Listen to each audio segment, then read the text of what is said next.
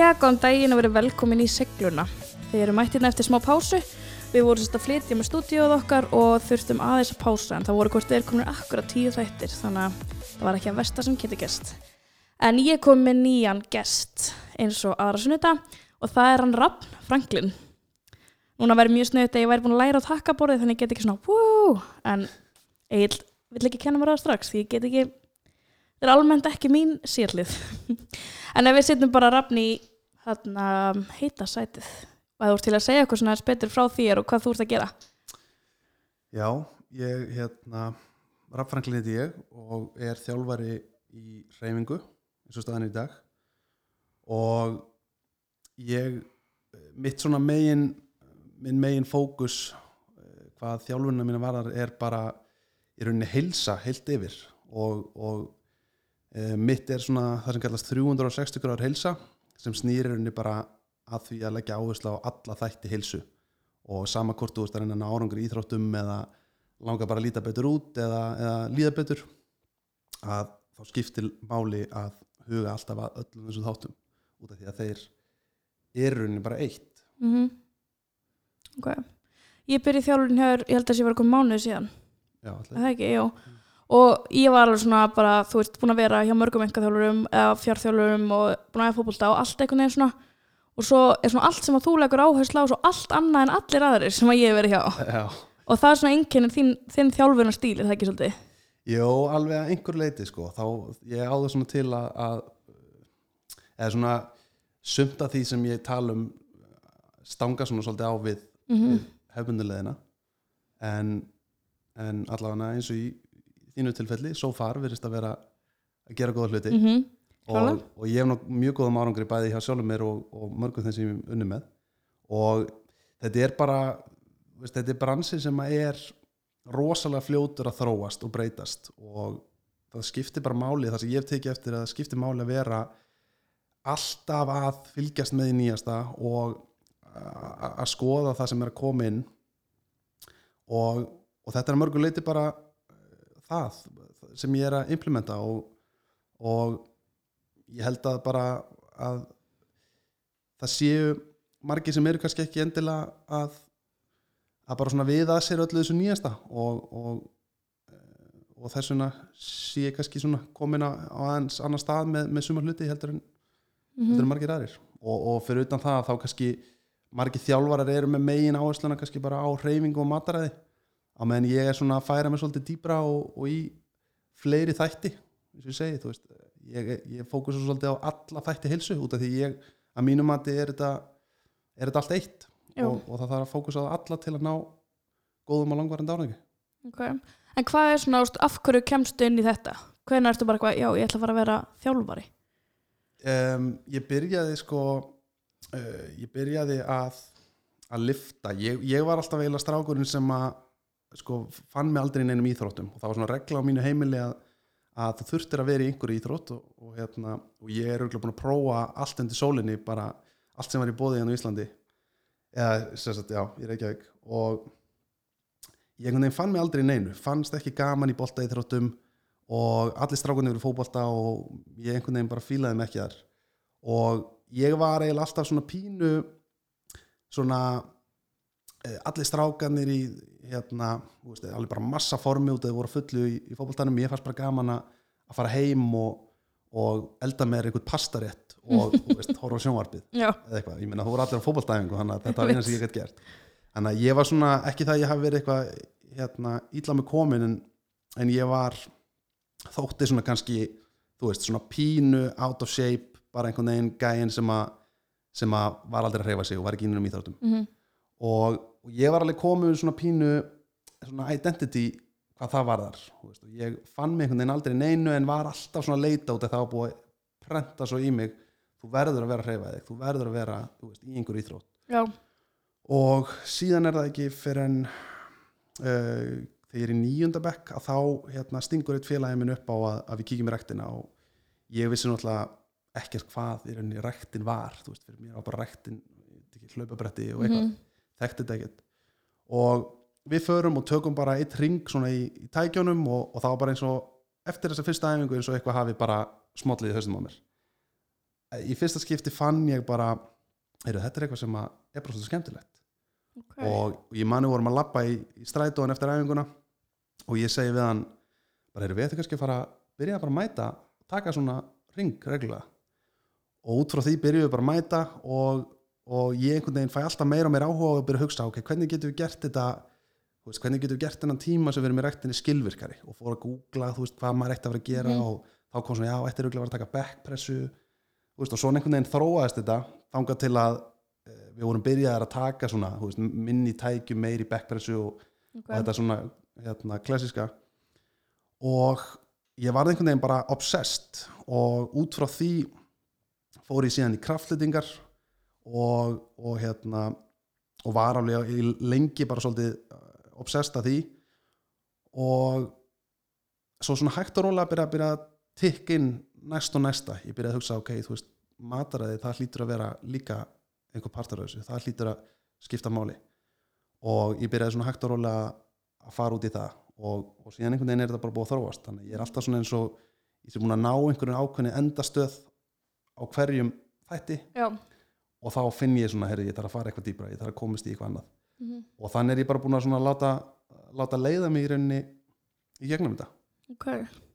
Þetta er, úst, mér er allt svo magna eins og bara, úst, ég tala við nökkva og allt þetta svona maður fer frá því að verða bara svona gett venjuleg manneski að fara bara í svona gett svona andlegt dæmi og svona einhvern veginn, þú veist, vera svona í einhverju sjálfsrækt. Úst, hvernig ferðu, þú ert bara eitthvað heima elda pasta og svo allt í næstu bara hér bara geðveikt svona mótiveraður þú veist, er þetta eitthvað sem bara smellir í haustum eða þetta, heldur þetta hafa alltaf verið svona innra með þér að ætla að verða betur og betri? Því að núna hefur ekki verið íþróttum mann og upplifir ekki kannski svona þessa svona þessa sigur tilfinningu sem að maður bara verður svona háður Þú veist, hvaðan kemur þetta að ætla að vera alltaf betur og betri? Heldur þetta, heldur þetta búið innra með manni eða heldur maður getið þróa þetta? Ég held klálega að þú getur þróað þetta og ég held að það sé alltaf bara spurning, þú veist langaði þetta nógu mikið? Og, og auðvitað er þetta eitthvað sem kemur alltaf svona svolítið í skrefum en fyrir mig var þetta ég held ég hef tekið eftir bara fyrst þegar ég byrjaði að lifta og, og til dæmis bætti mig í fyrsta skipti í backpressu. Þá kom svona eitthvað í hausnum á mér ok, þú, þú getur þú, veist, þú getur þetta. Mm þú veist, þú náði núna bara svona mælanlegum árangri. Þú Já. bætti þeim 10 kíló í, í backpressu komið meiri þyngd sem þú getur lift og það, svona, það, það, það hefur einhver áhrif á mann svona, maður sér bara, þú getur gert alls konar hluti Mhm. og ég held að út frá því byrjar svona hægt og rólega að setja saman hérna bútana að er ok, ef þú ert ef þú ert að díla við látt sjálfsálit eða ef þú ert að díla við hitt og þetta þú, veist, þú getur gert alls konar sjálfur til að bara verða betur útgáfa sjálfur og, og bara svona þróa þeir sem einstakling og, og ég persónulega var bara svolítið obsessed af því að þegar ég byrja að taka eftir því bara að ég get bara rækta sjálfum mig og orðið betur útgáfa sjálfum mér í dag heldur en í gær. Og ég sé bara svona í dag sé ég bara óendanlega möguleika þar. Þannig að ég er í dag bara hef bara helga lífi mínu í rauninni að okay. bara reyna að vera betur útgáfa sjálfum mér og kynna sjálfum mér betur á í rauninni öllum sviðum. Og, og þetta er bara eiginlega mitt passion Okay. að gera það. Og hvernig er það, veist, að því að ég sitt þarna í fyrsta sinn í stóri hjá mér þegar ég segja með teipið í munnin. Mm -hmm. förum betur í það og, og þarna, ég hef aldrei fengið að mikið bara svona hvað fokkanum er í gangi? Hvað ert að gera og hver laug þess að þér? En þú veist, ég þegar ég byrjaði þér sko, ég manna eftir í, fyrir svona ári síðan og kemur mamma heim eitthvað svona, heyrðu, núna þurfum við allir að fara að teipa fyrir okkur mun þegar við svo, ég var á fyrirlestri og þetta er bara eitthvað sem við ætlum að gera og ég var bara hættu núna. Og bara ekki, hlustaði ekki eins og á hún held áfram að röfla og röfla um þetta, ég hugsaði ekki eins og sko, svona að tala um og svo er ég bara svona, ok, ég ætla að gera þetta og prófa þetta. Og sé bara fram á sko gríðanlega mælanlega mun á svefni sem er alltaf bara fárálegt því fólk er bara svona, þú, þú ert að ljúga. Ég var að, sko, mér liður smá þessi sé af því. Því við erum að tala um að auka fjóra tíma. En þú ert alveg svona mikið að spá í svefn og hvað hann gerir fyrir okkur. Mm og er til að segja okkur aðeins meira frá því? Því þetta er bara svona sem ég var að hlusta á fyrirlesturinn og var bara svona, já, hvað ég meinar Já, þetta er, þetta er svolítið hérna, byggir rauninni á minni persónulegu reynslu að miklu leiti út af því að ég var rauninni greindur með kæfisvefn og, og átti mjög erfitt svona, átti mjög lúmst erfitt með svefn. Ég hef aldrei átti erfitt með að sopna ég hef alltaf haldið, ég hef alltaf það er alltaf verið talað um í sof eins og steinn. Já, og ég hef aldrei átt nefnum vandræði með það. En ég var alltaf þreyttur. Og eh, hérna, ég var í vinnu á ákveðnum tíma var alltaf að sofa um mig og alltaf á sama tíma var ég á fullu í liftingum þannig að það var kannski mikið ála á, á líkamanum á þeim tíma. En ég var bara einhvern veginn ég fann aldrei þessa orku eins og ég bara svona, ég fann innra með mér að ætti að vera. Þetta, ég var svona þú veist, ég hugsaði, maður á að vera þannig að ég sé bara með jafna og góða orku við daginn og líði bara vel, en ég var alltaf einhvern veginn svona þú veist, ég var alltaf þreyttur bara. Mhm, og, Tengi. og einhvern veginn ekki með orkuna sem ég fannst ég eiga að vera með og, og ég náttúrulega hérna, þú veist, er að reyfa mig og ég byrjaði að svona að hérna, borða hotlar og, en samt einhvern veginn þetta er ekki komið. Mhm, og ég er náttúrulega raut alveg svo göldur og eh, það var ekki fyrir að, að hérna, kærasta mín segi við mig bara heyrðu, þú ættir að fara í söpbrannsók ég var líka hætta í rauninni að anda á nóttunni í einhvern x tíma ok, reglulega og sem er náttúrulega það sem flokkar sem kæðusöfn og þannig ég enda á að, að hérna, fara í söfbransókn og það kemur í ljós að ég er með kæfisöfn. En ég er samt með svona tiltöla vægan kæfisöfn þannig að ég þurfti ekki að fá þessa svona söfngrímu á Já. mig til að sofa með. En var mælt við mig að uh, annarkvort sérst kaupa svona hrótugóm eða þá að eh, sérst fá svona tennisbolta og teipa þá utan að baki á mér. Þannig ég rulli mér ekki að baki já, og, já, og, hérna, og ég prófaði það og það einhvern veginn var alveg ómögulegt og, og gekk ekki neitt og, en hérna, fekk mér hrótugóm og sem að hjálpaði eins en ég var samt einhvern veginn ekki nógu impressed af þessum ráðleggingum. Mhm. bara svona ok, ég er búin að vera í sex mánuði í, í þessari söfnarsók búin að komast að því með kæfisöfn og ég fæði þetta bara að þú gert þetta þetta og svo bara ekkert meir. Já, þannig að ég hugsaði bara ok, ég ætla bara að kafa svolítið á nýtti sjálfur og fer og, og, hérna, og byrja að stúdera þetta svolítið og, og dett inn á eina bók sem heitir The 8 Hour Sleep Paradox og fannst það hljóma mjög áhugavert, bara titillin og hérna panta hann á Amazon, byrja að lesa hana og þar nefnir þessi tannlæknir sem að hérna, er búin að svona helga allavega hluta ferlinu sínum í, hérna, að svefni og hann talar um þetta mouth-taping að Já. teipa munnin á nóttunni. Og mér finnst það svolítið galið bara hugmyndina því. En ég einhvern veginn hugsaði bara akkur ekki, akkur ekki bara að prófa? Og ég man alveg fyrstu nóttina ég er svona eiginlega skammaðist mín og veist, að láta kærastunum mína, ég vildi ekki að hún sæi mig með teipið út af, mér fannst þetta bara eitthvað stórfyrulegt en hérna, en ég teipa mig og, og fyrstu næturnar að þá er ég alltaf einhvern veginn eiginlega vakna með að nóttina og taka af, svona var ekki alveg komin í fílingin með það. Mhm. En svo eftir svona viku þá var ég bara farin að sofa alla nóttina ekkert mál. Og, og hérna og síðan er ég búin að gera þetta í nokkra mánuði og ég bara finn hvernig svefnin er orðin betri. Og Mhm. ég, mér er fara að líða betur og bara finn hvernig ég er svona hægt og róla að byggjast aftur upp. Og, og hérna og ég fyrir að kynna mér þetta betur og, og lesa mér til um þetta og, og hérna uh, og síðan er rauninni ég, eða sérst, þegar ég er búin að gera þetta í held ég ár að þá skrifa ég pistil um þetta og hérna sem ég postaði á, á síðuna mína og það eiginlega bara varð allt svona pínu vittlust sko. Ok. það bara hérna, þetta sprakk alveg út og, og hérna og í framaldi sérst, fór ég eitthvað útásviðtal tengslu við þetta og síðan kemur eh, einhver kona frá svefdelt landsbítalans sem að eh, gefa frá sig grein þar sem hún er í rauninni bara að segja þetta sé bara vitlisa já, ok. Og það sé engar rannsókn á þessu og fólk ætti ekki verið að gera þetta.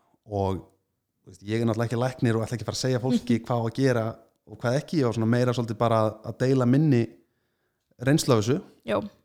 En hérna en út frá því fæ ég síðan símtal frá, frá konu sem heitir Hrönn Róbertsdóttir sem er tannlæknir og tannlæknarstofuna brosið.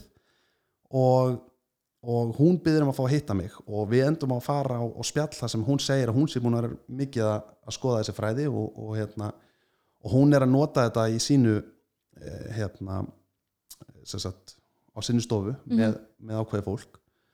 Og benti mér á nokkar fleiri bækur og ég fór að lesa þær og, og svona fórurinn bara á kafi í þetta og er búin að vera að miklu leiti að stúdera þetta síðan og ég er ennþá í dag í rauninni teipa mig á hverju kvöldi.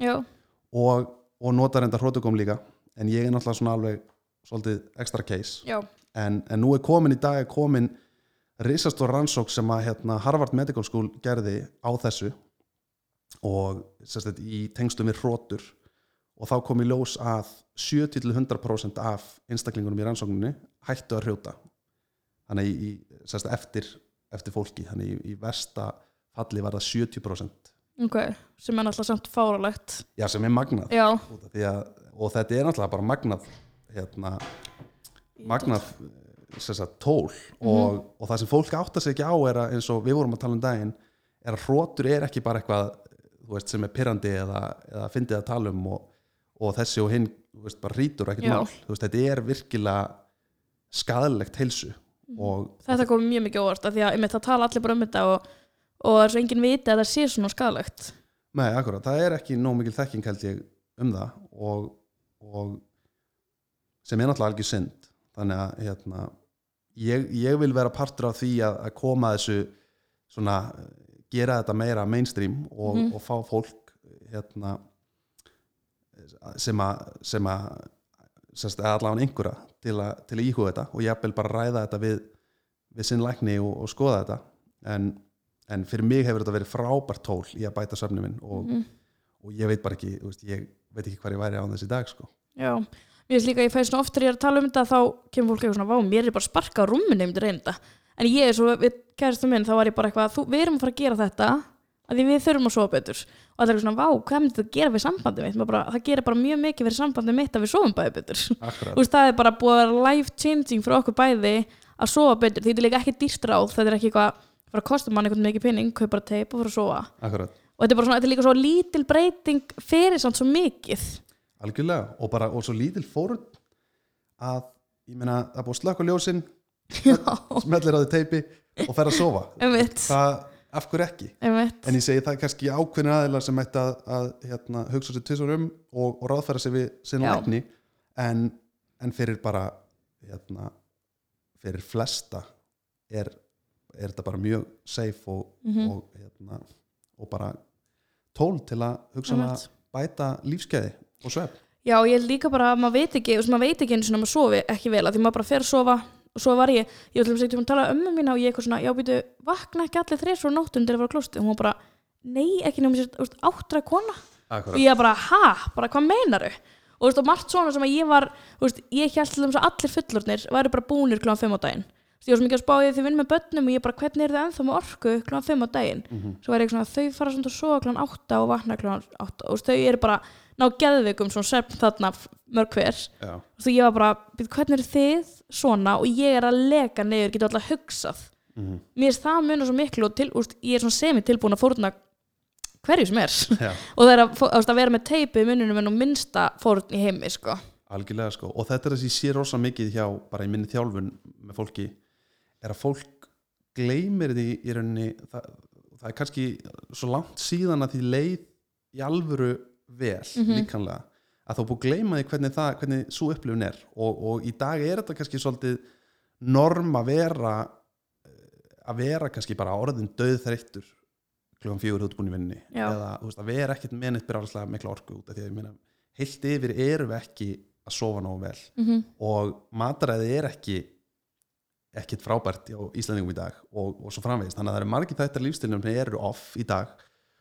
Og þetta er alveg eins og bara, þú veist, fólk sem að er rosalega styrt Mhm. það áttar sig ekki á því hvað það er styrt fyrir en að það byrjar að liðkast upp út af því að þú verður bara vanur því að vera í þessum styrta líkama.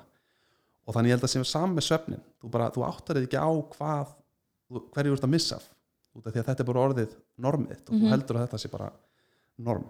Og það er nákvæmlega það sem ég upplýði veist, ef, ég, ef ég horfi á ef ég horfi tilbaka fyrir fyrir hérna 5 pluss árum það sem ég var bara, heilsan var allt önnur á þeim tíma leiti ég ekkit á mig eins og ég væri eitthvað veist, ekki heilsurhörstur en í dag er það bara staðarind veist, ég, ég var bara, orkan Mhm. var ekki til staðar veist, ég var bara ekki með neitt sérstaklega góða heilsu.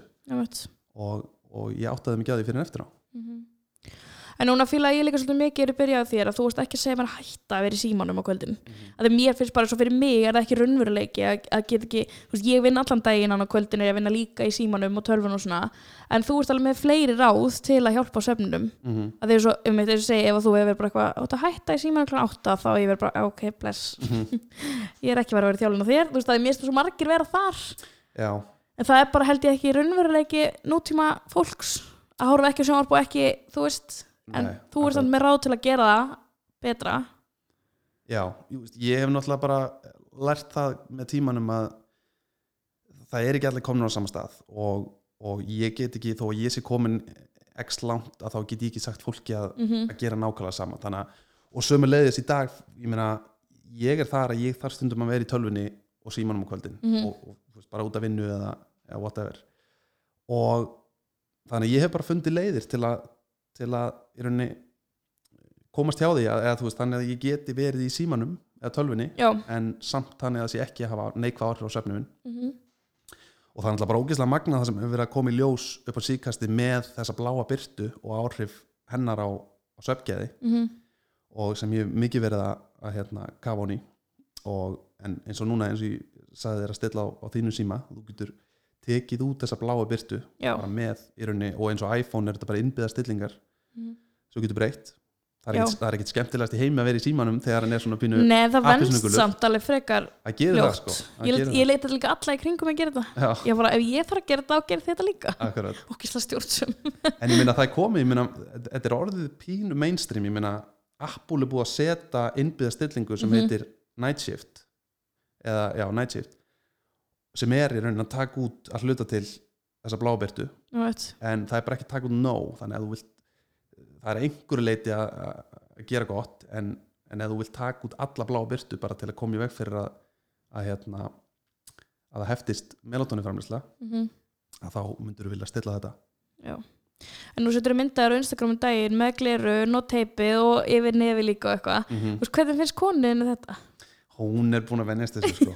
Ég, hérna, ég er náttúrulega búin að taka þetta í skrefum sko, svona Já. hægt og rólega þannig að hún venjist en Og er hún ekkert að gera þetta með þér? Fyrst, þú veist, jú, hún hefur tekið hún hefur hérna, notað teipið af og til en, en hún er bara með mjög fínan svefn og, og hefur ekki fundist hún hvað? þurfaði sko og hérna en jú, jú, hún er próf, hún er með glerugun sko og ég, ég hérna setja á hana glerugun og hverju kvöldi sko. Mhm. Já, Það er ég var bara að panta með mín. heimilinu. Ég er býstur að koma ég er spennt. Já, ég er bara býð eftir að, að dóttir mér veri nógu stór þannig ég geti farið að setja á hana líka sko. En, en já, algjörlega sko, ég meina hún er hún er orðin vönuð sko, ég er bara orðin vanur í að vera pínu förðufugl og ég er bara, ég er bara gaman að því. Það er bara, hérna ég vil vera að kanna alltaf nýjasta og, Mm. og ég er bara svona pínu tilrundir sjálfur. Já. og, og hérna og ef það þýðir í þurftum að vera eins og fáið þá, þá er það bara þannig sko. Ég erum að fyndið með þessi þróun, ég, man, ég, fór, ég var í fjárþjálun þegar ég var örgulega 17 ára eða eitthvað. Og þá átti ég sko að borða kláðan 8, 10, 12, 2, 3, just, ég, mér fannst ég ekki gera neitt annað nema að borða mm og æfa, veist, ég var bara að borða því og æfa á mótana og kvöldin og fór, þú veist, mér finnst eina sem ég gerði var að setja við borð og borða. Og meðan að núna, þú veist, er ég prófa, er búin að gera það í tvö veist, fasta fram að hátegi, borða bara svona þrjár máltíðir, þrjár fjórar, þú veist, það er svo mikið hvað það breytist, og þetta er, við erum að tala um fjögur ára milli eitthvað, fimm ár, þú veist, svo mikið hvað þetta búið að breytast hratt á stuttum tíma, veist, og líka þá bara sem er keto og vegan, veist, heldur það að verði einhvern tíma að koma bara svona þetta er það sem við gerum öll, eða þú veist, heldur að verði alltaf svona öfga keto fólk, öfga vegan fólk, þú veist, kannski svolítið stór spurning, en að að að, það er svo mikið af öfgum allstaðar, það er svo auðvelt að vera í öfgana, þú veist, það sem við erum að tala um að þarna var ég að borða bara, þú veist, sex num að dag eða átta num að dag. Frá því núna er ég bara svona núna er bara geggja að taka þrjár máltíðir og fasta fram á hátegi og eitthvað. Þú veist ámar að vera bara í þessari miðju línu þarna eða veist, heldur að sé betra að vera í einhverjum aukum einhverju leiti eða? Ég segi náttúrulega fyrst, þú veist, hvað kalla fólk öfga? Og mér finnst það mjög svona blörru lína út af því að þe- þetta byggir allt út frá einhverjum einhverjum ákveðnum miðjupunkt sem að, sem að þú metur sem miðjupunktin og það eru öfgar út frá því. Já, þannig að eh, ég segi bara eins og sem dæmi hvernig ég borði í dag þykir fyrir mörgum öfgakent mm en út af því að ég borða kannski hérna bara uh, veist, kjöt og græmiti eða veist, forðast allt, allan pakkamat og allt svoleiðis. Mhm. út af því að pakkamatur og allt þetta er það sem er bara, það sem við erum veist, það er, þú, þú þarft alveg að fara í rauninni þú þarft alveg að svona beigja aðra leið og, og, og þú þarft að leggja virkilega á þig til að fattar hverju fara. Já, þannig að ég segi, þú veist, margir vilja meina það sé öfgar Mhm. en að mínum mati eru öfgar það sem við erum að borða í dag allt, allt þetta rusl sem er í bóði þú veist, í maturubúðum og því að þetta er glæð nýtt þetta er bara búið að vera í minnum hundra ár í bóði, mm hitt er búið að vera í bóði bara frá upphafi tímans já, en þetta er bara svona svolítið hvar erum við í dag og hva, úr, út frá hvaða linsu erum við að horfa á þetta í dag? Mhm. en, en ég segi það er klárlega hægt að fara í einhverjar eh, óæskilar öfgar í, allar áttir og, og með allt. En það sem er líka bara málið er að það er allir svo mismandi og það er ekkit eitt sem að hendar öllum. Og þannig segi eins og nú er mikið búið að tala um föstur og það hefur verið að koma í ljós rannsóknum að föstur eru bara frábært tól til að hérna, bæði fyrir hilsu og, og til að ná árangri með fytutap og svona. Mhm. en, en það er ekki þar með sagt að sé endilega máli fyrir alla. Og, og það sem er líka bara svona gleymið svolítið að taka fram eins og það er ekki að sama fyrir konur að fasta og fyrir kalla að fasta. Út af því að við erum ekki með nákvæmlega eins ok. hérna bara líffræði. Og þannig að e, ég segi það er alltaf veist, þessi hluti sem það er að spá í Mhm. og, en, en svo er þetta svo mikið æði bara, veist, meina, það er allir alltaf bara svolítið að hugsa um e, þetta yfirborskenda bara Mhm. léttast og, og byggja vöðva eða þú veist, það, er- þetta er svona þetta er yfirleitt sjaldna sem þetta kemur frá frá einhverju heilsu sjónamiði Mhm. að, að fólk sé að spá í þessum hlutum en, og eins og með keto æðið, veist, Mér keto sé líka bara, sko í byrjun ás þá voru allir keto, veist, ég var búin að vera að prófa keto í ára undan því og svo bara í byrjun ás og allir bara, já, þú líka? Ég bara, vá, að því núna sé maður svo miklu minn um það Mhm. þú veist, bara því við erum að koma inn í árið því að fólk er bara að droppa út, þú veist, ekkert bara í þessu bara í öllum þessum svona æðum maður sér það bara 1. janúar, Mhm. er allir komin í keto allir komin í ræktina, þú veist, ég mæla alltaf með því þegar fólk er að byrja líkansætt að það byrja ekki í janúar, Já. það sé að byrja svona april, því að þú veist janúar er bara terr fyrir alla sem er í ræktin almennt svo mikið svo mikið æði og fólk verður líka bara, veist, ég held líka ístætingar almennt og ég alveg með þar sé svona allt eða ekkert. Mhm. týpur svolítið mikið. Þess að ég uppleiði bara ég var í keto og allir bara, oh my god, þetta er svo miklu öfgar okkur borðar ekki bara venjulegt? Okkur borðar ekki bara hafragröndum mótnana? Ég bara, því mér langar það ekki. Við erum svo allt eða ekkert svo má ekki gera neitt og má ekki gera veist, það sem maður vill og um þetta keto kom rosalega stert Já, algjörlega sko og, og allt í henni fór maður að sjá bara hérna, allar maturur búið að stimpla, keto pulsubrauð og keto bacon og þú veist, jáfnvel vöru sem voru keto áður, eða myndu flokka sem en, en já, og þú veist, þetta er bara hérna, og sérstaklega á Íslandi hef, finnst mér þetta hafa alltaf svolítið verið svona, þú veist, að, koma svona einhver æði og ekkert bara í mat, bara í öllu. Mm og kannski er þetta bara eitthvað svona eh, í eðlu okkar en, en ég meina fólk stekku bara veist, með, með, með hilsu og, og mataræði og veist, það, það vilja allir þessa skyndilaust og, og sérstaklega eins og bara með fytutap og svona, það vilja allir þessa, þessa ógesla sniðu bara innföldu laust Mhm. það kemur, þú heyrir út undan þér bara, heyrir keto, hérna, þessi misti 20 kíló bara að ég borða bara keto. Og þú mátt bara borða eins mikið bacon og Allt, vilt og já, hitt og þetta. Og, og þetta verður bara heillandi og veist, fólk veit stöku en ég minna eins og kom í ljós núna þetta er ekkit endilega sustainable fyrir flesta Mhm. þannig að uh, já, ég meina en ég, ég segi, þú veist, keto getur líka verið frábært tól, en, en nú er einhvern veginn komið svona sikkur hópurinn í dag það er bara keto vittlisa og keto geggjað, Mhm. en þetta er bara svo miklu meira og dýbra Já. og flóknara og, og þetta er bara svona þessi yfirborskenda hugsun, ég meina fólk bara stekkur svolítið á hlutina held ég. Mhm. og, og þú veist, það heyrir eitthvað eitt og ég er líka sem er keto og fólk hafa verið að hugsa svona vanlega er holdt mataræði bara, það sem maður ímynda sér er bara eitthvað salat, kjúklingabringur og kartöflur, eða fransætar kartöflur eða eitthvað svona, svo að fólk sé keto og verið bara eitthvað, ég er bara kjött og ég er bara ost, bara vá geggjað. Þú veist, maður getur fara að veitingast að fengi sér þú veist, mat, en svo held ég ég, svo ég upplega allan mjög mikið, mér fannst ég alltaf að vera svona þung. Svo finnst ég alltaf að vera að borða eitthvað svona þungt og þetta hendaði mér enga veginn þú veist, ekki til lengri tíma allána og ég sá enga, ekkert þingdatap ekki svona allána eins og margir aðrir. Þannig að ég held að þetta er líka svolítið bandaristýr í svona, svona intermittent fasting ketogrúpu svona en bara konur, bandaríska konur. Og þær eru svo öfgafullar. Þær eru okkar mistið 400 kíló á temi dögum, þú veist maður bara, hvað? og það verður svo ógæslega heillandi. Að þeim veit, feitutöp er svo veist, þetta er bæði svo yfir, yfirborskent og líka svo samfélagslegt. Mhm. að því að svo er svo, þú veist, núna er ég búin að byggja upp þessa ímynd sem svona þú veist, plössars bloggari og þú veist, ég má aldrei tala um að ég sé feit eða ég má aldrei tala um að ég sé að reyna að letast þú veist, ég sé ykkur áttina og þá verður fólk bara eitthvað, herðu, þetta er ekki þetta er nú ekki fallegt. Ef ég segi, ég sé feit, þá bara eitthvað, ekki tala svona um mig.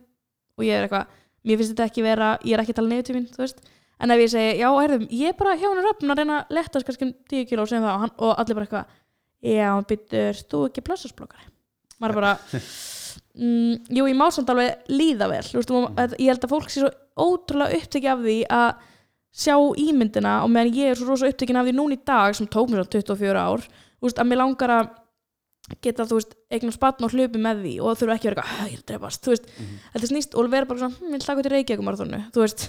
Þú veist, þetta innra með mér sem að mér langar að breyta, ekki það að geta posta mynda á Instagram bara fyrir og eftir, þú veist. Og meðan ég veit að það er svo margir upptegnir af því.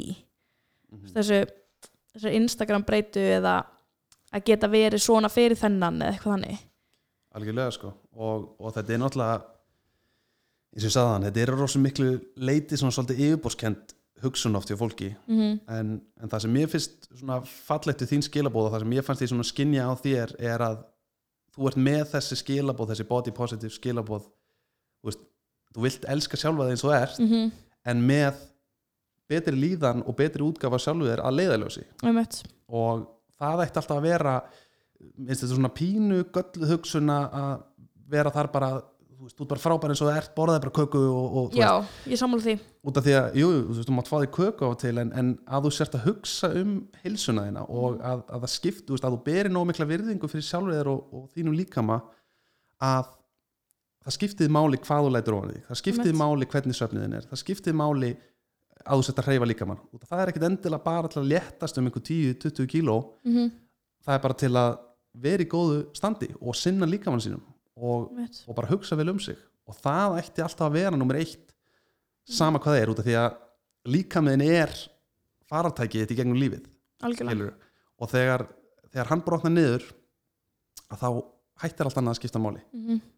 þú veist að hérna, þessi tíu kíló sem þú alltaf er að, að léttast um ef allt í nú missir heilsuna að þá hætti það að skipta máli Mhm. þá, þá byrjar að vera saman það út af því að þá er bara nummer 1, 2 og 3 að ná heilsunum tilbaka og þetta er svo, svolítið það sem fólk verðist vera að lendi í að það gerist einhver starf á lífslegin að kemur þessi krísa þú veist, að, að hérna, missir heilsuna einhver sjúkdómur, eitthvað áfall sem að bankar upp á og það er þá verðist vera þá sem fólk svona kveikir, ok, herri, já, bara þennan eina líkama Mhm. og bara þetta eina líf og núna þarf ég að fara að hugsa um heilsuna Já. en af hverju ekki að sleppa áfallinu, sleppa hérna, sjúkdómnum og byrja bara strax Mhm.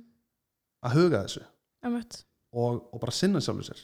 Og út frá, út frá í rauninni uh, réttu svona hérna um, út frá réttur hugsun. Veist, út, með rétt hugafar eða réttu hugafari. Mhm. Mér finnst það oft sem að þú veist gerir mér erfiðara eins og með hana, bara svo body positive bylgi og allt þetta sem er svo frábæra mörgu leiti en þú veist, svo sér maður eitthvað svona veist, you're amazing, eat that cake. Þú veist, af því að þér líður þú veist frábær, þá ekki það eitthvað þú mátt ekki fáið kökum mitt. Þú veist, þá vera það þú vilt ekki, þú veist, þú vilt ekki fá hana. Veist, að ég, ég var ekkert um að tala með mín og hún eitthvað svona, núna er markmið mitt er að hugsa bara, ég ætla að trýta líka minn og fá mér, þú veist, avokado Mhm. í staðan fyrir að vera eitthvað, ég vil trýta um að fá mér pítsu þú veist, að að ég held að þessi hugmynd sé og sem ég átti svo erfitt með að ströggla ef ég myndi grennast, er ég þá ekki lengur svona body positive fyrirmynd? Sem að, þú veist, er alls ekki er ég búin að komast að, ekki rétt þú veist, að því að, þú veist, maður er svo upptekinn af því að í body positive áttu bara alltaf að vera að gera, þú veist, það sem nákvæmlega vilt en svo hugsa um bara af hverju vill ég vera að fá mér eitthvað óholt? Eða þú veist, ekki að sofa nóg eða ekki að reyða mig? Þú veist, er það að því mér langar að vera body positive að þarf ég að vera bara svolítið ég positive? Þú veist, ég vel að gera þetta veist, ég vel að fara fyrir að sofa og, og nota teip og gera þetta til að vera meira positive fyrir mig. Þú veist, mér taka þátt, þú veist, af því að það má langa breytast og líka samt vera jákvæðakart sjálfur sér. Mér finnst ég komast á svona lokastöð innan þess merkis að þú veist, ég var búin að vera svo eitthvað, já ég er geðveikt hérna jákvæða líkamsýmynd og svo var ég inn í mér bara eitthvað, ég þess að 40 kíló, ég miski 40 kíló, það get ég ekki á Instagram, þú veist hérna. Mhm. og með núna er ég bara eitthvað, þú veist, má, ég má þingjast, ég má léttast, hvað sem ég má gerast, ég verð samt alveg jákvæða líkamsýmynd Já. mér finnst þetta gleymast svolítið oft í þessari umræðu sérstaklega? Algjörlega sko. Og ég hugsa sérstaklega eins og fyrir þig með marga sem eru kannski fylgjast með þér á samfélagsmiðlum að það eru auðvitað erfitt. Mm -hmm. finnir kannski svo sérst að bregðast fólki veist út af því að þú ert með þessa ábyrð en, en í rauninni ætti þetta bara alltaf að veist, þetta snýst alltaf bara um þig. Meina þú, þetta er þitt líf Mhm, og þú átt bara að gera með það sem þið liði vel með. En, en það sem ég fæði líka oft veist, þegar, ég, þegar ég byrja að tala um fólk og, og hérna, um mataræði sérstaklega og svona að það kemur alltaf þetta en maður verður nú að lifa eins já, og, það maður fæ bara eitt líf. Já, og ég segi þú veist ef að, ef að þér finnst þurfa að fá þér köku og sigur og pítsur og gós og eða hvað sem er mm til að finnast þú þurfa að vera að lifa að þá er eitthvað sem að ég held að þurfa að endur skoða út af því að þú veist hvað er allt þetta dót ég er ekkert að segja að þú þurfa að vera, vera eins og einhver munkur og bara geta aldrei Já, já. snert þetta aftur. En, en ef að þetta er það sem bara svona gerir dagið þessi matur þessi svona skamtíma ánægja að þá held ég að þú þurfa að skoða eitthvað þú veist, já, að, bara hvernig hérna, lífsástandið þetta er í dag. Mm -hmm. út af því að eins og ég, þykir sko. og ég horfa á það að þá er ég með mitt bara svona passion eða minn draum sem ég er að sinna mm og það er það sem gefur mig lífshamingju og hitt er allt bara hluti sem ég geri til að geta sint þessu betur. Og eitt af því er til dæmis að borða hotlan mat svo ég hafi orkuna og líði vel og sem ég jafna orku og sé í góðri heilsu til að geta sint því sem ég langar að gera í lífinu. -hmm. og, og saman með svefnin. Ef ég sef illa eða sef lítið að þá er ég döðþreyttur við daginn hef ekki kvatninguna eða, eða hérna, orkuna ég þarf til að sinna því sem ég langar og missi bara svona svolítið svona feelingin, þá enda ég bara frekar á að fara upp í sófa eða, eða leggja mig eða þú veist, bara einhvern veginn, það vantar þetta dræf út af því ég er bara þreyttur, mm -hmm. Líka minn vill bara svepp. Og þetta er það sem ég held að mikið af fólki sé svolítið að lendi í, þú veist, af margir er ekki að, að huga að hilsunni sinni og þeir kannski stökku í hérna, þessa skamtíma orku veist, keira svo upp með kaffi orkudrykkjum hérna, einhverju svona, veist, einhverjum namistykkjum með smá sigri Mhm. til að keira upp orkuna sem bara svona, veist, sem er náttúrulega bara skyndilust já, í staðin fyrir að tækla rótina. Og, og það finna er að, að þegar, þú, þegar þú byrjar að borða hollari mat að, og þeir sem hafa gert þetta vita nákvæmlega hvað ég er að tala um þegar þú byrjar að borða hollari mat þá allt hennu byrjar svona að minka löngunin í hitt þetta er ávanabindandi að mörgu leiti og, og það er svona blekkingin sem að fólk kveikir ekki á fyrir en það er farið í gegnum ferlið að þá allt í hennu verður miklu minni löngun í Dominuspítsuna, í Einmitt. kókið í kökuna, í namið og allt þetta dót Mhm.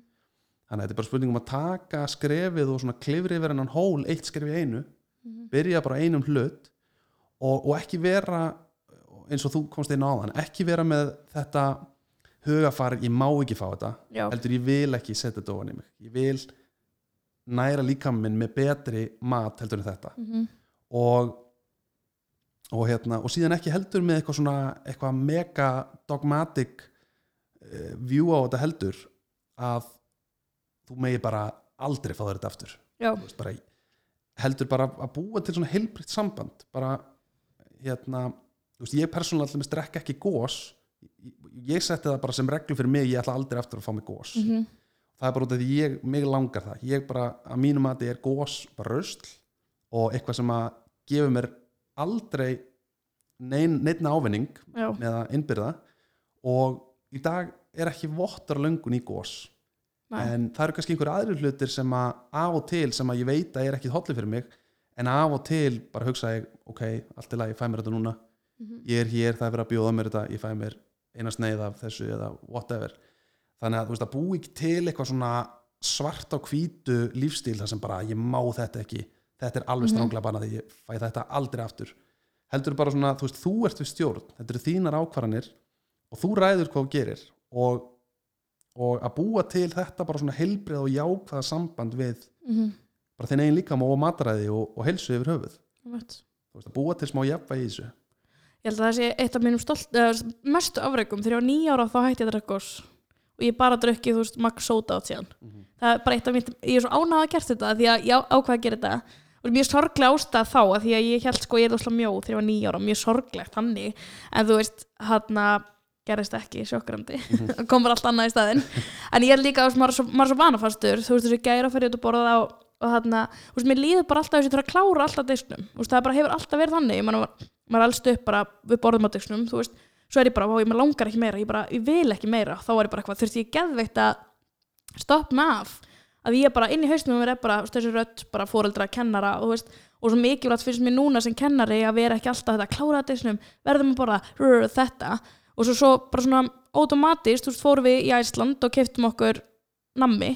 Svo komum við heim og við borðum það ekki. Og eitthvað svona, ef, ef að borða ísins eða keftum bara svona, nei, vá, ég er ennþá sattur langar ekki. Og fórum bara að sofa það er bara orðið svo mikill van í haustum manni. Svona álaugutum eru námiðdagar því þá er 50% ásaldur og getur keft ógesla mikið nami þú veist, þetta er bara svo mikið maður er svo vanafastur og svo erfitt að keira sig þú veist, úr þessu mennjum og þessu svona ógesla mikilvægt að vera með börn og vera ekki eitthvað uh, diskurinn þinn er ennþá fullur. Þú bara borðar þegar þú borðar og þú færði bara sjálfur diskinn og þú veist að þetta ég man svo mikið sjálf eftir að mynda mér svo ógeðslega óheilbriða matavennjur út frá því sem að fólki kringum var ekki reyna að gera slæmt heldur bara þetta voru bara reglutur og þú borðum á disknum og allt þetta. Svo mikilvægt að breyta þessu af því við vitum við getum það. Algjörlega. Og, og þetta er náttúrulega miklu leiti bara svona svolítið programming veist, bæði með að, að klára diskunum sinum og að nammidagar og lögadagar og, Mhm. og allt þetta.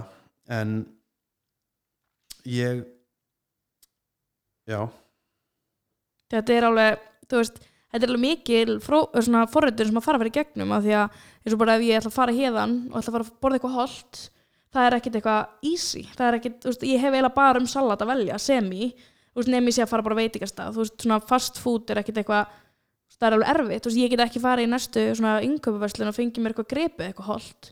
Ég þarf alltaf að fá eitthvað skýr eða eitthvað sem er, þú veist ekki eitthvað kannski sem ég langar í nei, en svo getur maður gripið sér samlóku og kók, þú veist. Akkurat og það er eindir eitt hlutur sem að, sem að ég lendi mjög oft í því ég byrja að tala um matræði við fólk er að bara svona eitt sem ég þarf svolítið að leggja línuna með að, að mínum mati ef að þú ætlar að borða holt og, og bara tilenga þér heilbritt matræði að þá nummer eitt þarf að læra að elda mm og nummer tvö þarf að elda. Já. og það er bara þannig. Þú, þú kemst ekki hjá því í dag út af því að eins og ég segi 90% ef ekki meira af bara maturum í vestlunum og í, á matslustöðum er bara ekki góða matur. Mm -hmm. og ef þú ætla virkilega að byrja að borða hotlan og góðan mat þá þarf að fara svona út úr þinni leiðeila til að gera það og, og þú þarf að byrja að, að leggja eins meira. Þú veist, það er ekki þessi æðislega hérna, skyndilausn eins og bara geta gripið þú veist, whatever.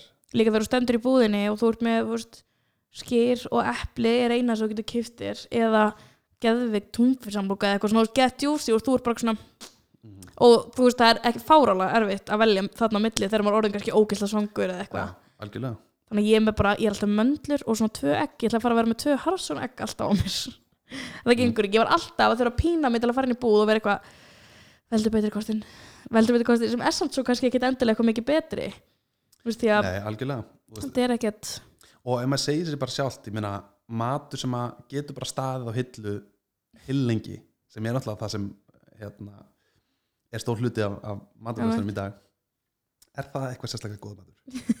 Nei, og en, en eins og ég, ég persónulega er, er alveg frekar mikill svona matgæðingur en það sem ég ger er að ég elda kvöldmatt eða hverju kvöldi og, og svona gera einhvern góð með kvöldmatt og elda bara þannig já í næstu daginn eftir í hátteginu og þá er ég búin að, að helminga vinnuna sem ég þarf að gera og ég er hvort ég er alltaf að fara að elda kvöldmatt mhm, og akkur ekki bara elda það eins meira og eiga það daginn eftir? Um þá þarf ég í rauninni bara að elda einu svona dag.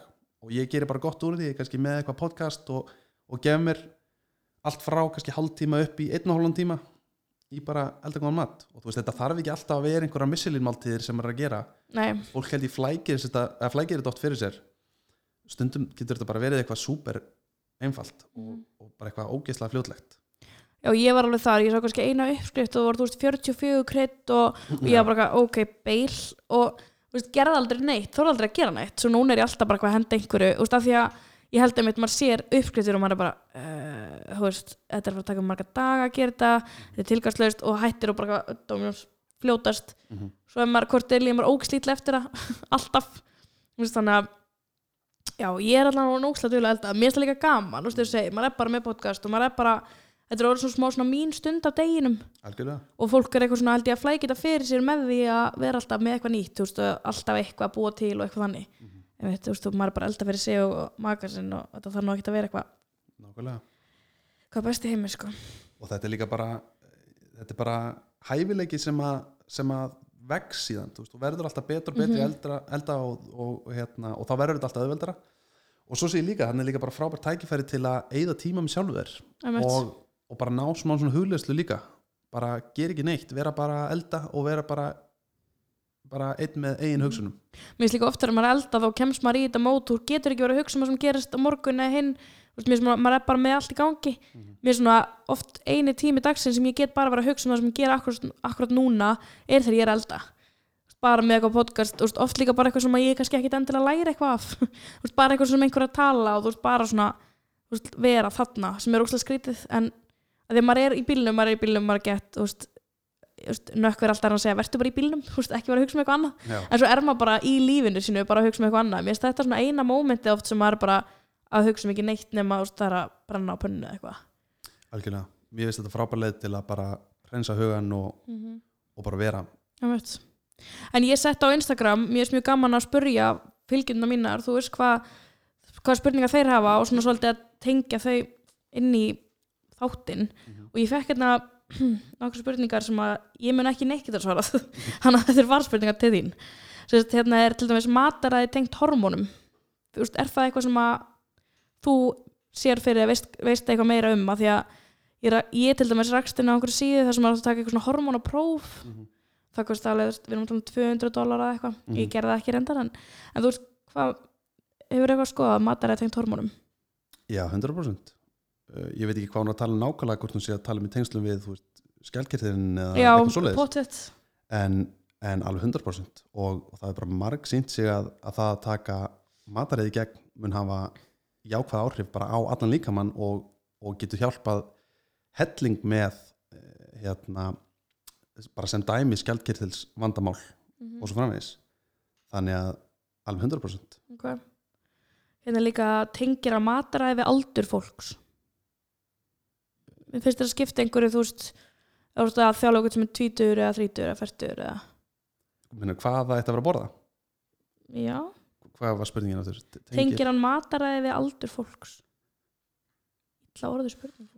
Já, ég veit ekki hvort ég skilja hana alveg en finnst þetta að skipta einhverju máli þú veist, hvað ég er að borða og hvað einhver sem er færtur er að borða? Myndur sko kannski það er meira svona upp á einstaklingin að gera frekar en kannski aldur. Mm, jú, aldur getur náttúrulega haft áhrif á bara hvernig hormonaframleyslega er og svo framvegis en, en ég, ég myndi ég minna að horfa á kannski aldurinn meira að horfa á bara líkanlegt og andlegt ástand ok, hvers og eins og meta út fyrir því. Ok. Svo hann kemur mammin sem er einmitt, hún er mjög mikill aðdándi hún kemur þetta með spurningu að því að við sérst ákveðum það er ég byrjaði þér ég myndi taka smá pásu á æfingum. Mm -hmm. að því að uh, eins og við tölum um þá var ég bara svolítið að keira mig í gröfuna og hvað heldur þau, svo hún spyr hver er helstu merki ofþjálfunar? Að því að komið mér mjög mikið óvart þegar þú sagðir að við getum taka smá pásu í æfingunum að því að bara, þú veist, það ég held ég að vera svona seinasta sem ég gæti, hefði svona efni innan gæslappa á að pása. Þú veist, hvað heldur að sé? Það er, það er náttúrulega getur verið margt sko og, og ég held að geti svona eh, expressa sig á, á mismandi vegu. Um, það sem eins og ég rætti við um daginn til dæmis, þú veist, hvert skipti sem þú ferði ræktina að þá framleiði líka minn starfsóman mm -hmm. kortisol og það er bara náttúrulegt ferli gerist bara, þú veist, því að það er ákveðið niðurbrótsferli í gangi þegar þú ert að, að að æfa líkamann undir svona álægi Mhm. og, en þá kemur inn á að þegar þú ert búin að æfingunni að þá kemur kvildatímin það sem líka með nær góðri endurheimt og, og sérstaklega eins og þegar þú fer að sofa síðan og þú fer góðan svefna þá á sér stað þessi, þessi líkanlega endurheimt. Og alltaf hægt að rólega þegar þú byrjar að, að minka alltaf tíma eða tækifæri líkamæðins til að fá þessa endurheimt að þá náttúrulega er meira alltaf bara af þessari kortisolframleyslu en minna af þessu endurheimtaferli. Já, og en málið er að, að kortisol er í rauninni eh, að mínum að þið getur verið svolítið ávanabindandi hormón út af því að þegar líka með framleiði kortisol og þú ert bara undir stressi eins og ég var að tala við þig um Mhm. daginn ef þú ert undir álægi og, og undir stressi að þá getur það svona, það getur kertið svolítið í gang þú þú, þetta er örfandi hormón þannig að þú getur fengið ákveðna orku frá því að vera alltaf undir stressi og ég held að sönd fólk verði svolítið háð þessari tilfinningu og það er fólki sem að á það svo til kannski að, að enda í svona hálfgjöru börnáti út af því að það bara ég einhvern innan geðslapa sér satt kerði á, á, á þessari svona gerfi orku ef, ef, það má kalla. Þannig að ég held að það geti verið svona pínu veist, ge- geti verið svona blekkjandi ástand. Ok. en, en fyrir utan það er þetta náttúrulega bara þessi veist, síþreita og orkuleysi og, og hérna og bara eh, skert geta til að ná endurheimt eftir æfingar og finnur að þú ert rosalega lengjar í kofera Mhm. eftir æfingar að það getur verið dæmi þannig að ég myndi segja svona þetta verður kannski svona helstu enginin, það myndi bara í rauninni koma fram í miklu orkuleysi en ég segi ég held að geti falið sig á allavega einhverju stíi þarna getur að falið sig í að uh, ég held að sé klárlega orkuleysi þarna en þú svona blekki sjálfaði með bara að keira áfram í stressinu og er þaðan að fá þessa orku en síðan ég er kannski á ákveðnum tímum segjum um helgar þá kannski sefur í 12 Mhm. tíma þú veist, út af því að líka mann er bara að bugast en þú einhvern veginn vilt ekki hlusta á skilabóðin og ert bara að keira og keira og keira Einmitt. þannig að ég held að geti verið svona pínu blurry kannski enginni en, en ég myndi segja að orkuleysi og, Ok. og síþreita og svona væri sterkir indikatorar og svo komin það tvær spurningar sem að sko, já, ég veit, ég veit ekki hvort þú veist eitthvað, veist eitthvað um þetta, ég veit ekki hvað þetta er sjálf. Uh, nýrna hættu þreita er það eitthvað og hvað er hægt að gera? Og svo livra hreinsun er það ekki málið? Uh, nýrnahettunar uh, stýra kortelórframlýslu já, og hérna og nýrnahettunar eru sem dæmi mjög tengdar til dæmis skjaldkirtilsvirkni og, og, og hérna hormónum sem að að, skjaldkirtilshormónum sem líka framleiðir. Þannig að eh, sem sagt nýrnahettu virkni er eh, er unni helst í hendur við til dæmis ofþjálfun út af því að líkamenn eða nýrnahettunar framlega þetta kortisol og það verður náttúrulega auki ála á nýrnahettunar ef að, ef að þú veist, þetta er krónísku álagi. Mhm. og ég man ekki hvar hver spurningi bara var er nákvæmlega. það eitthvað og hvað er hægt að gera? Já, það er klárlega eitthvað og hérna bara svona í, í einföldu og stuttu máli er náttúrulega bara eh, svona leiðir til að, til að næra nýrnahettuna sínar ef, ef svo má Mhm. orðið komast er bara að sinna lífstilnum og, og fá góðan svepp hérna, vera með heilbrið sambandi við til dæmis hreyfingu ekki, ekki keiraði út af æfingum veist bara þjálfa hérna, reglulega á markvist en ekki ofgerða, ekki fara í ofþjálfun, borða hotlan og góðan mat og, og, hérna, og sinna þú veist, kvíða og streitu og svona með hvort það sé hugleyslu eða, eða einhverjum svona streitustjórnunar aðferðum. Ok, að það mun klárlega hjálpa við að hérna, láta nýrnahettunar starfa eðla ok. En svo stendur hérna livra hreinsun er það verið að tala um svona svo detox eða Já, allir það ekki er detox málið það? Sko, Vist ég alltaf að sjá eitthvað safarhinsanir og eitthvað alls konar já, ég segi sko, þetta er alveg þetta er alveg dýbra mál heldur en er að tala um, ég meina, fólk er að stökkva einhver svona hreinsanir, ég held að þú veist, einhver svona djús hreinsanir okkar er kannski ekki ekki endilega málið en, en ég meina það er klárlega þú veist, livrinin er eitt af aðal svona detox líffærum líkamanns Mhm. og, og hérna og það er klárlega hluti sem er að gera til að styðja við bætta lifravirkni sem þú myndir í rauninni flokka sem detox. Ok, þannig að hérna uh, já, hvað það var þar er klárlega hægt að gera alls konar hluti til að bara í rauninni styðja lifrina mm og, og hjálpa henn að starfa betur. En að taka veist, þessar svona veist, að drekka einhvern celery juice daglega eða, eða taka einhverja svona juice kúra Mhm. sem er oft líka bara hlaðnir af sigri, þú veist, út bara, bara pressuðum já, það held ég sé ekki málið sko.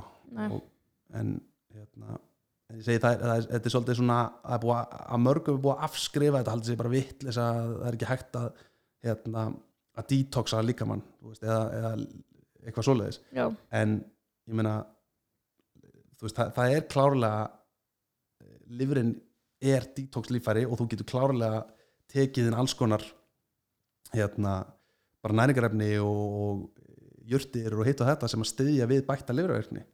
Ok. Þannig að, það er mjög gott svaraldi bara. Já, en svo var líka restur um spurningunum svolítið mikið bara um teipi og þetta sem við erum búin að tala svolítið um. Mhm. þannig að við erum búin að koma svolítið mikið inn á það í byrjun þætt- þáttar. En mér langaði líka bara að setja svolítið heimarkefni ég er svolítið mikið í því að setja heimarkefni í enda þáttar. Mm -hmm. að segja fólki að fara heim til sín og setja sér markmið í mánuðin að fara að sofa alltaf verið allu er það ekki fínt bara? Jó, ég myndi, 10 allu, ég myndi segja að vera komin upp rúm fyrir 10.30 ok, sopna fyrir 11 ok.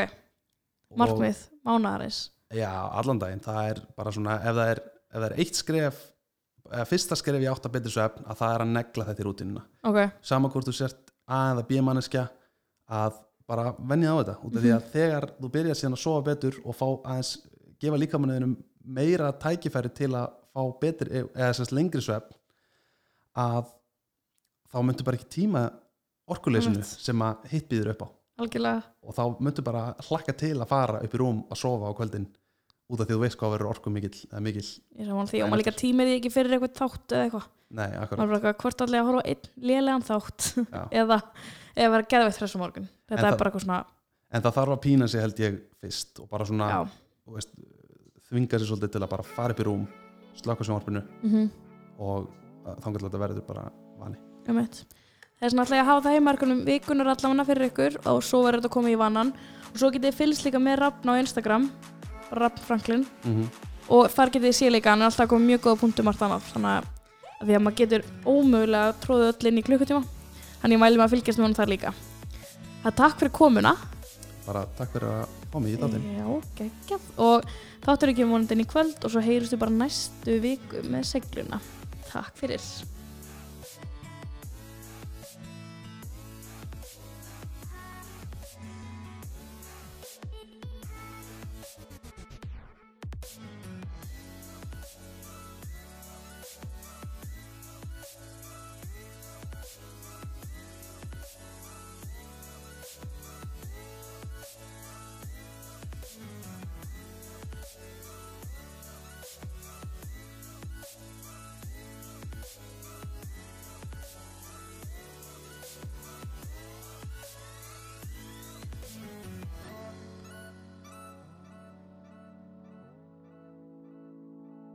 Música